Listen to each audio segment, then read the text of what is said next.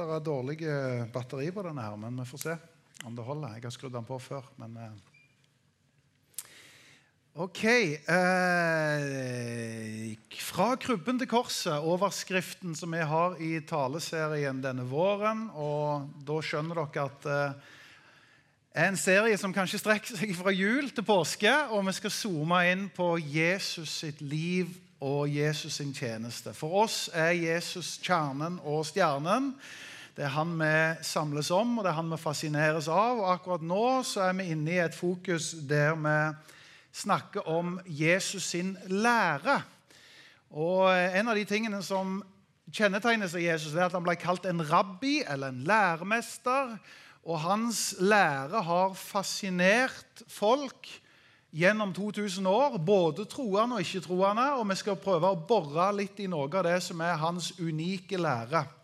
Og Da skal vi stoppe i dag med eh, det som er den lengste talen til Jesus. Så dette varer lenge. Nei, Jeg bare betrygger dere på at den talen skal vi faktisk bore i fem-seks søndager. Så vi rekker bare å ta innledningen. Men Jesus har fem taler i Matteus evangeliet. Og Den lengste talen den er fra kapittel 5 til kapittel 7. Den kalles for Bergprekenen. Det var et navn som han fikk av en kirkefader som heter Augustin på 300-tallet. Og Det er sannsynligvis fordi at det står at Jesus gikk opp på et fjell og begynte å tale til dem. Så berg eller fjell eller fjellprekenen har den fått navnet. Og Vi skal ta og lese det som står eh, bit for bit, og så skal vi ta oss igjennom fra vers 1 til vers 16. Da Jesus så folkemengden, så gikk han opp på et fjell. Der satte han seg, og disiplene samlet seg om ham. Han tok til orde, og han lærte dem. Salige er de som er fattige i ånden, for himmelens rike er deres. Salige er de som sørger, for de skal trøstes, og salige er de som er ydmyke, for de skal arve jorden. Salig er de som hungrer og tørster etter rettferdighet, for de skal mettes. Salig er de barmhjertige, for de skal få barmhjertighet. Salig er de som er rene av hjerte, for de skal se Gud. Salig er de som skaper fred, for de skal kalles Guds barn. Salige er de som blir forfulgt for rettferdighets skyld, for himmelens rike er deres. Ja, salige er dere når de for min skyld håner og forfølger dere, lyver og snakker rundt om dere på alle vis, gled og fry dere, for stor er lønnen dere har i himmelen. Slik forfulgte de også profetene før dere. Vi skal lese de siste versene litt seinere. Men jeg skal innledningsvis stille spørsmålet hvem er det Jesus henvender seg til her? Hvem er adressen for hans tale? Vel, Her står det at folkemengden har han snakket med, men han trekker seg litt unna. Og så er det disiplene som blir med han. Og så sitter han foran en gjeng, kall det den indre kretsen. Og Det kan tyde på at denne undervisningen ikke nødvendigvis er den som går inn i folkemengden, eller den som Ola og Kari, nordmannen, umiddelbart tenker ja og amen til, men det vil være en tale som på en særlig måte disiplene disiplene ja, adresseres i forhold til. Og Du kan se på det litt som om eh, Jesus kommer som en slags ny trener til et lag. Dette er bare et bilde, en metafor. Men tenk deg et lag som har strevd litt, og så kommer det en ny trener i Premier League, eksempel, og så kommer han inn med et nytt tankesett et nytt mønster, en ny måte å tenke på, og sier 'Jeg vil ha det sånn som dette'. Dette er min tanke om hvordan dere bør tenke og hvordan dere bør leve. Og Dette er egentlig bergpreken. Jesus kommer inn med noen ganske revolusjonerende nye tanker og sier Da beklager vi det, men sånn er det med teknikken innimellom. Hvor langt har det kommet? Noen som fulgte med? Ingen som fulgte med? Hæ? Ja, jeg snakket om Jesus skulle komme inn med en ny tanke og en ny måte å leve på. Og så begynner han å presentere dette slag for slag. Og Noe av det første som slår meg, det er at det virker som Jesus henvender seg til de som på en eller annen måte føler at de er litt mislykka. Det er akkurat så ikke livet sklir helt rett og godt. Fordi at her snakker man salig. Salig er et bibelsk ord for å si lykkelig eller din heldiggris, om du vil. Omstendighetene til de han henvender seg til, skulle tilsi at de egentlig var alt annet enn heldige. Snarere at de ikke hadde fått det til. Han snakker om fattige, sørgende, hungrige, tørstige. Folk som strevde med ulike saker og ting. Og så snur han alt på hodet og så sier han, dere er heldige griser. Når vi egentlig skulle tenke at han burde sagt kondolere, så sier han gratulere. Og Det er jo å snu ting aldeles på hodet. Så nå må vi jo være interessert i hva er det Jesus egentlig prøver å formidle, som er så voldsomt annerledes. Fordi at her er det tydelig at uh, de har fått tak i noe som den vanlige menige mann og kvinne ikke helt har grepet. Og det som jeg lukter og ser her, hvis jeg skal gi en generell betraktning før vi liksom borer i hvert eneste vers, det er at det ser ut som de har et litt annet perspektiv enn her og nå. Fordi at her og nå er situasjonen krevende. Men så virker det som de har sett noe som er lenger enn her og nå. Og de fleste av oss vil jo jakte og jage det som er her og nå. Jeg må jo innrømme det for min egen del. Jeg kan jo lett bli en sånn lykkejeger. En lykkejeger som er på jakt etter hvor er det livet smile? Hvor er det livet er bra? Fordi Det vi lærer i oppveksten, det er jo at det er 'survival of the strongest'. Det er jo det motsatte vi vil ha. Vi vil ikke være fattige, vi vil være rike. Vi vil ikke sørge, vi vil glede oss. Vi vil ikke hungre og tørste, vi vil være mette. Vi vil ha suksess, vi vil oppnå saker og ting.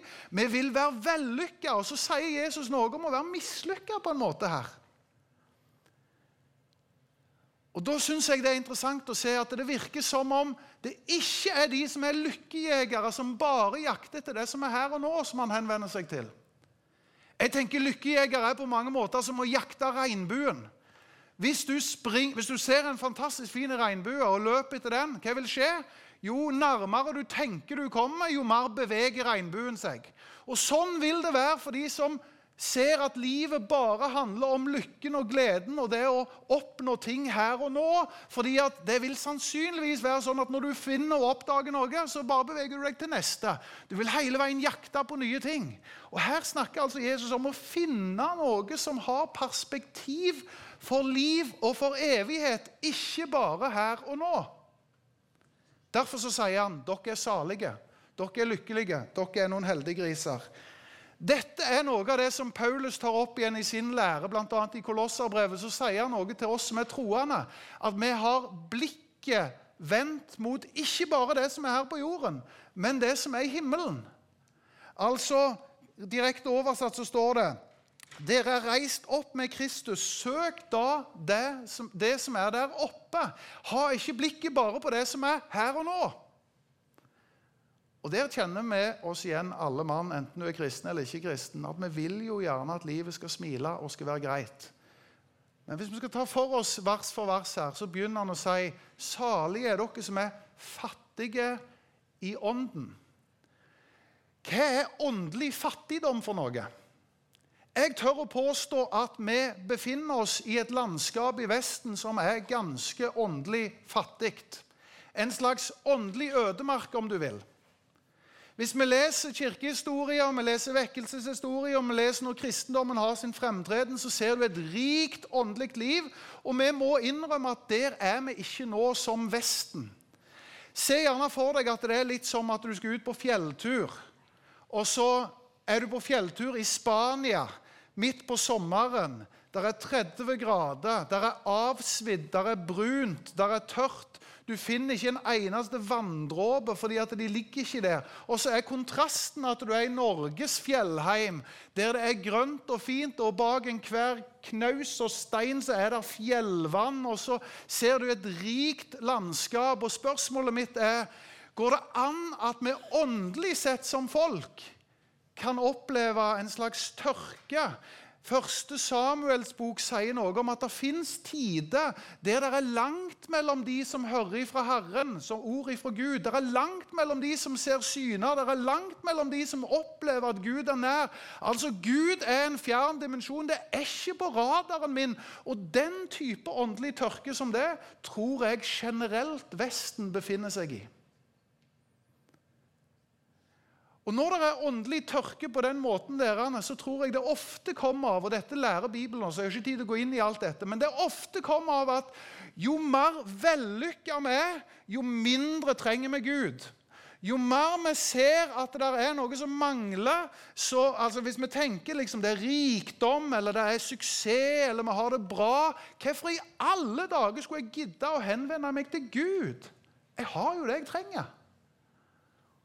Og Dette sier Bibelen noe om er rikdommens bedrag. Altså Vi lures til å tenke at det er ikke mer mellom himmel og jord enn det vi ser rett foran nesen vår.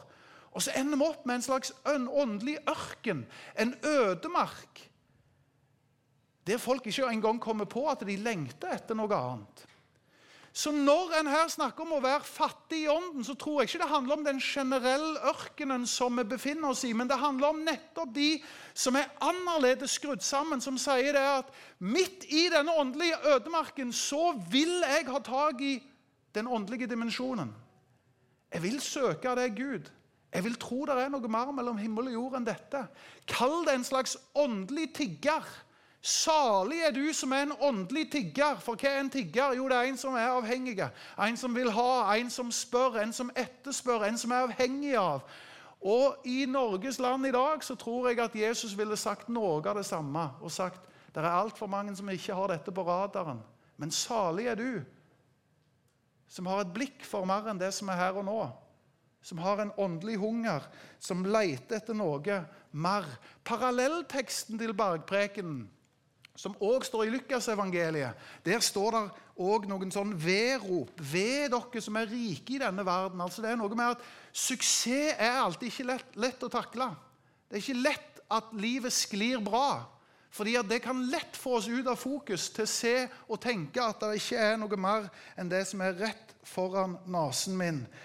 Og her er det altså at Jesus kom inn og lærer oss noe. Og Nå skal dere få høre noen bibelvers. Fordi at Hvis du lurer på hvor er Gud Hvor er Gud?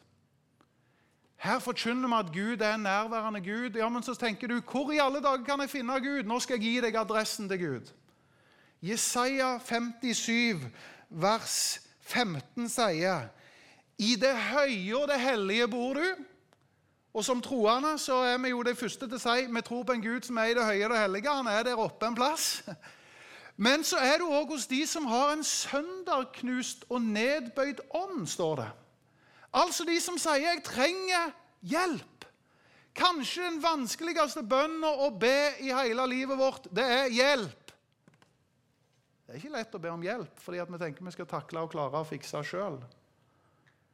Men hvor er det Gud særlig kommer nær? Det er de som har en nedbøyd ånd. Salige er dere som er fattige i ånden, for himmelens rike er deres. Nydelig ifra Jesaja 35, der det står ørken og det tørre land skal glede seg, ødemarken skal juble og blomstre som liljene på marken. Her snakkes det om at det som er en åndelig ødemark, kan være en ørken for noe, men det kan være en oase for noen andre. Og Her sier Jesus, 'Salig er du som finner at det fins en åndelig oase midt i ørkenen.'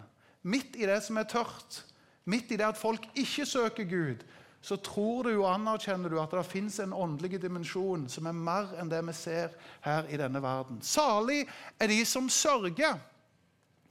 Ja, sørge, det er jo å innse sin situasjon, da. Det er jo å tenke at eh, jeg ikke bare lever overfladisk. Jeg ikke bare blåser vekk det som skjer, men den som sørger, den har innsett sin situasjon. Salig er deg som sørger. Hvis en har perspektiv i livet, så er det sånn at når de kjipe beskjedene kommer, når diagnosene kommer, når det uventa skjer, når ulykker rammer, så er det horisont og perspektiv forbi dette. Lykkejegerne som sier at alt handler om her og nå, vil få det mye tøffere de gangene. Nå kaller jeg ikke alle lykkejegere, det er ikke det jeg mener, men poenget er det at eh, hvis en ikke tenker at det er mer enn det som er her og nå, så mangler en perspektiv. Og salig er du som sørger, som innser din situasjon, og som ber om hjelp. Salme 30, nei, Jesaja 35 fortsetter jeg med, som jeg har sitert tidligere. Si til de urolige hjerter Si til de urolige hjerter, vær sterke og ikke redde. Deres Gud kommer til dere med frelse. Hva forteller dette? Jo, det er noen som er urolig i oss. Det går an å sørge over det vi opplever og erfarer, men det er noe du går an å søke som er forbi det som er her og nå. Det er en hjelp som er utenfor oss sjøl. Og salig er dere som sørger, for dere skal trøstes. Salig er dere som er ydmyke. Ydmyke tenker vi er et positivt ord. Det er jo positivt å være ydmyk, men når de skrev dette på den tida, så ble ydmykhet sett på en som en brist. For ydmykhet det var på en måte å si at du ikke klarer å stå opp for deg sjøl. Det er at du ikke takler livet. Jeg er ydmyk, jeg må bøye meg ned. Mens Bibelen så snur dette på hodet og sier ydmykhet er en positiv ting. Det er faktisk en forutsetning for å få nåde. Og nåde er det som gjør at vi kommer i kontakt med Gud.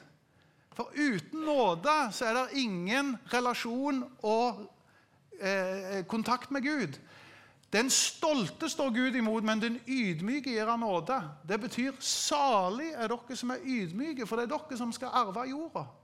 Salig er dere som innser deres situasjon, som ser at dere trenger noe mer enn det du klarer å fikse sjøl.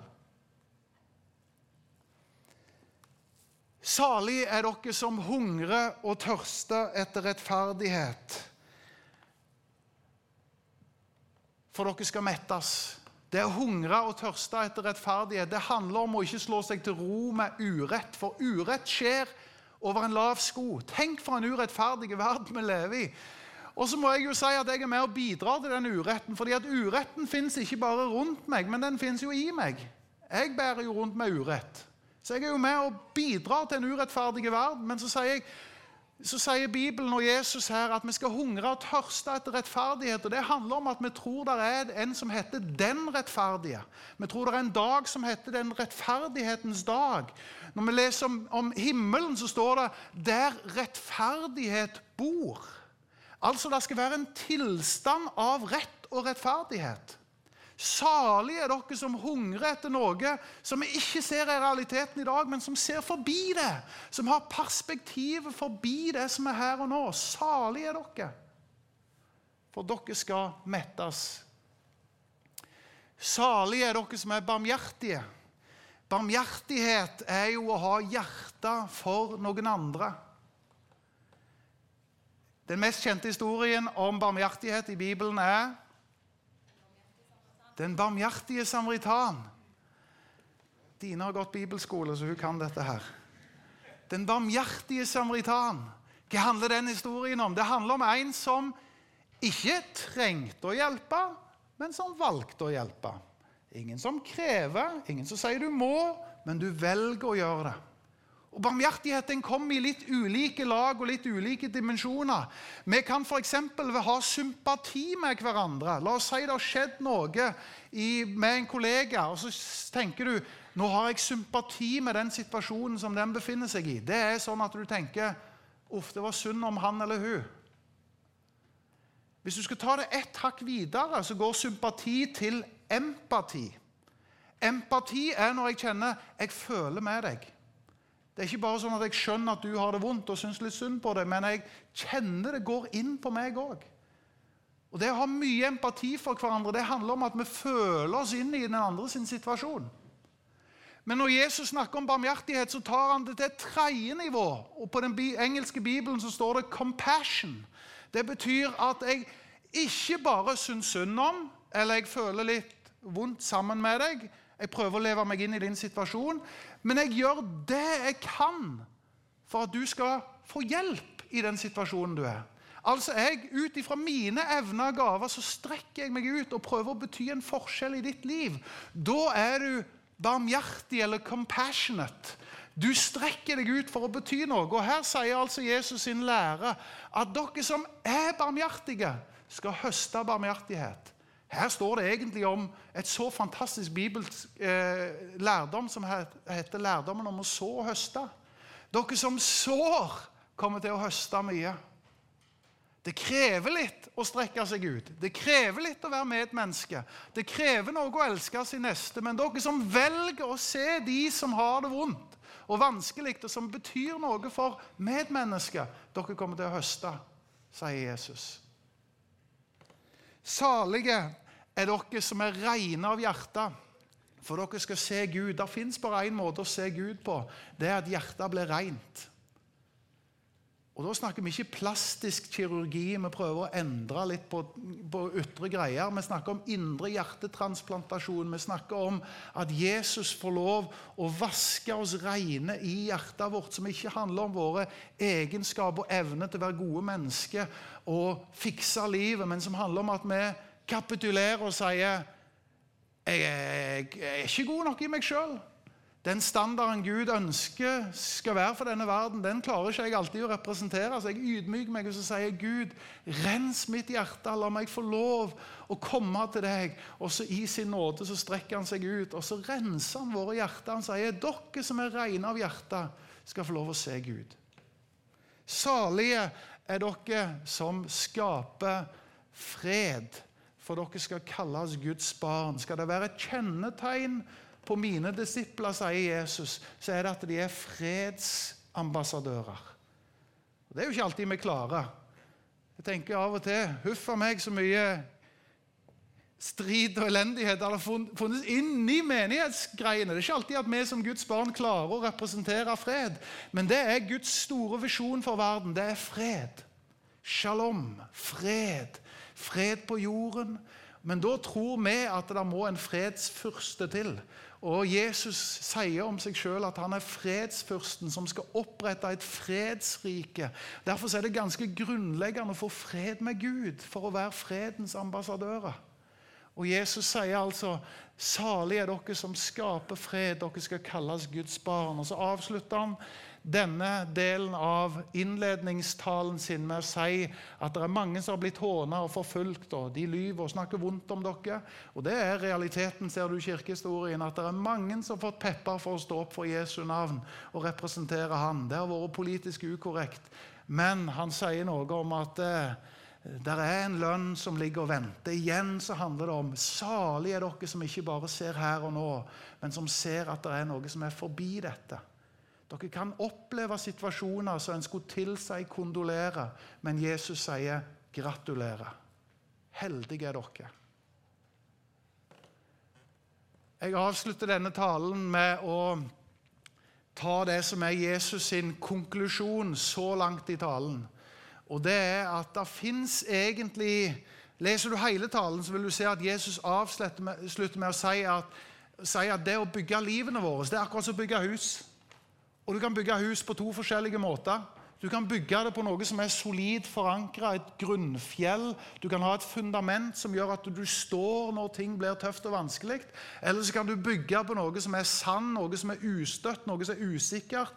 Det vil se fint ut ytre sett. Det kan se fancy ut, men greien er den at når bare stormen blir stor nok, så raser det. Og Jesus sier 'sørg for å bygge på fjell'. En annen måte han sier det på her, det er at det finnes to typer lys. Og Det ene kan du gjemme unna, det andre kan du vise fram. Og Jesus sier når dere skal representere meg, så ikke la det være sånn at dere gjemmer lyset deres unna i bøtta. Det blir ikke synlig for noen. Men la det være sånn at dere med frimodighet står fram med den troa dere har. Selv om ikke alle tenker at det er veldig inn å søke det åndelige. Nei, vi har mer enn nok med å søke det materielle. Vi har mer enn nok med å søke det emosjonelle, det relasjonelle. Alt dette som handler mellom oss. Men så sier Gud noe, eller Jesus noe om at det at du står for noe som er utenfor denne tiden det er et perspektiv som er gullet som du skal bære med deg. Ikke skjul det. Hold det fram. La det bli synlig for alle. Og med dette så avslutter jeg bare med å lese Herren at dere er verdens lys. En by som ligger på et fjell, skal ikke skjules, heller ikke tenne en oljelampe og sette det under et kar. Nei, en setter det og holder det, eh, setter det på en holder, så den lyser for alle i huset. Slik skal deres lys skinne for menneskene, så de kan se deres gode gjerninger. Ikke for show-off, men for å rett og slett bare være sanne representanter for Jesus. Og da står det at de skal prise deres far i himmelen. Det kommer til å være et godt vitnesbyrd. Folkens, oppsummert, og i det at vi gjør oss klare til å synge litt lovsanger, så vil jeg bare si at les en hele Jesus sin tale ifra bergpreken, som er så berømt og så kjent, så vil en se noe om at eh, Ha perspektiv utenfor det som er her og nå. Og når han forkynner dette Guds rike, så forkynner han noe som er allerede og ennå ikke. For realiteten er den at vi kan erfare og se og oppleve Gud her og nå Samtidig som det er en dimensjon av at vi har ikke ennå opplevd det fullt ut. Vi kan få lov å være ambassadører for fred her og nå, men freden bor i det evige. Vi kan være ambassadører for rettferdighet her og nå, men det er i himmelen rettferdighet bor. Vi kan få lov å se at vi blir trøsta her og nå, men den evige trøsten den ligger i himmelen. Så Jesus sier, 'Fortsett å leve ut mine verdier og mine prinsipper her og nå.' Men samtidig vit at det er noe som er forbi her og nå. Det fins noe som er evig. Så Det betyr at vi i avslutningen her kommer til å synge bl.a. en lovsang som heter 'Miraklenes Gud'. Og Det er fordi at vi vil så gjerne stå sammen med alle som på en eller annen måte trenger at Gud griper inn i livet. Salig er du som sørger. Salig er du som strever på et eller annet nivå. For du skal bli møtt. Og Den dimensjonen tror vi på. At selv om det ikke er fullt ut før i himmelen, så tror vi at her og nå så kan vi bære hverandre fram for Jesus og be om at han skal gripe inn i livene våre. For vi tror på en høyere himmel enn bare her og nå. Vi tror på det evige. Vi tror på det allmektige. Vi tror på en levende Gud.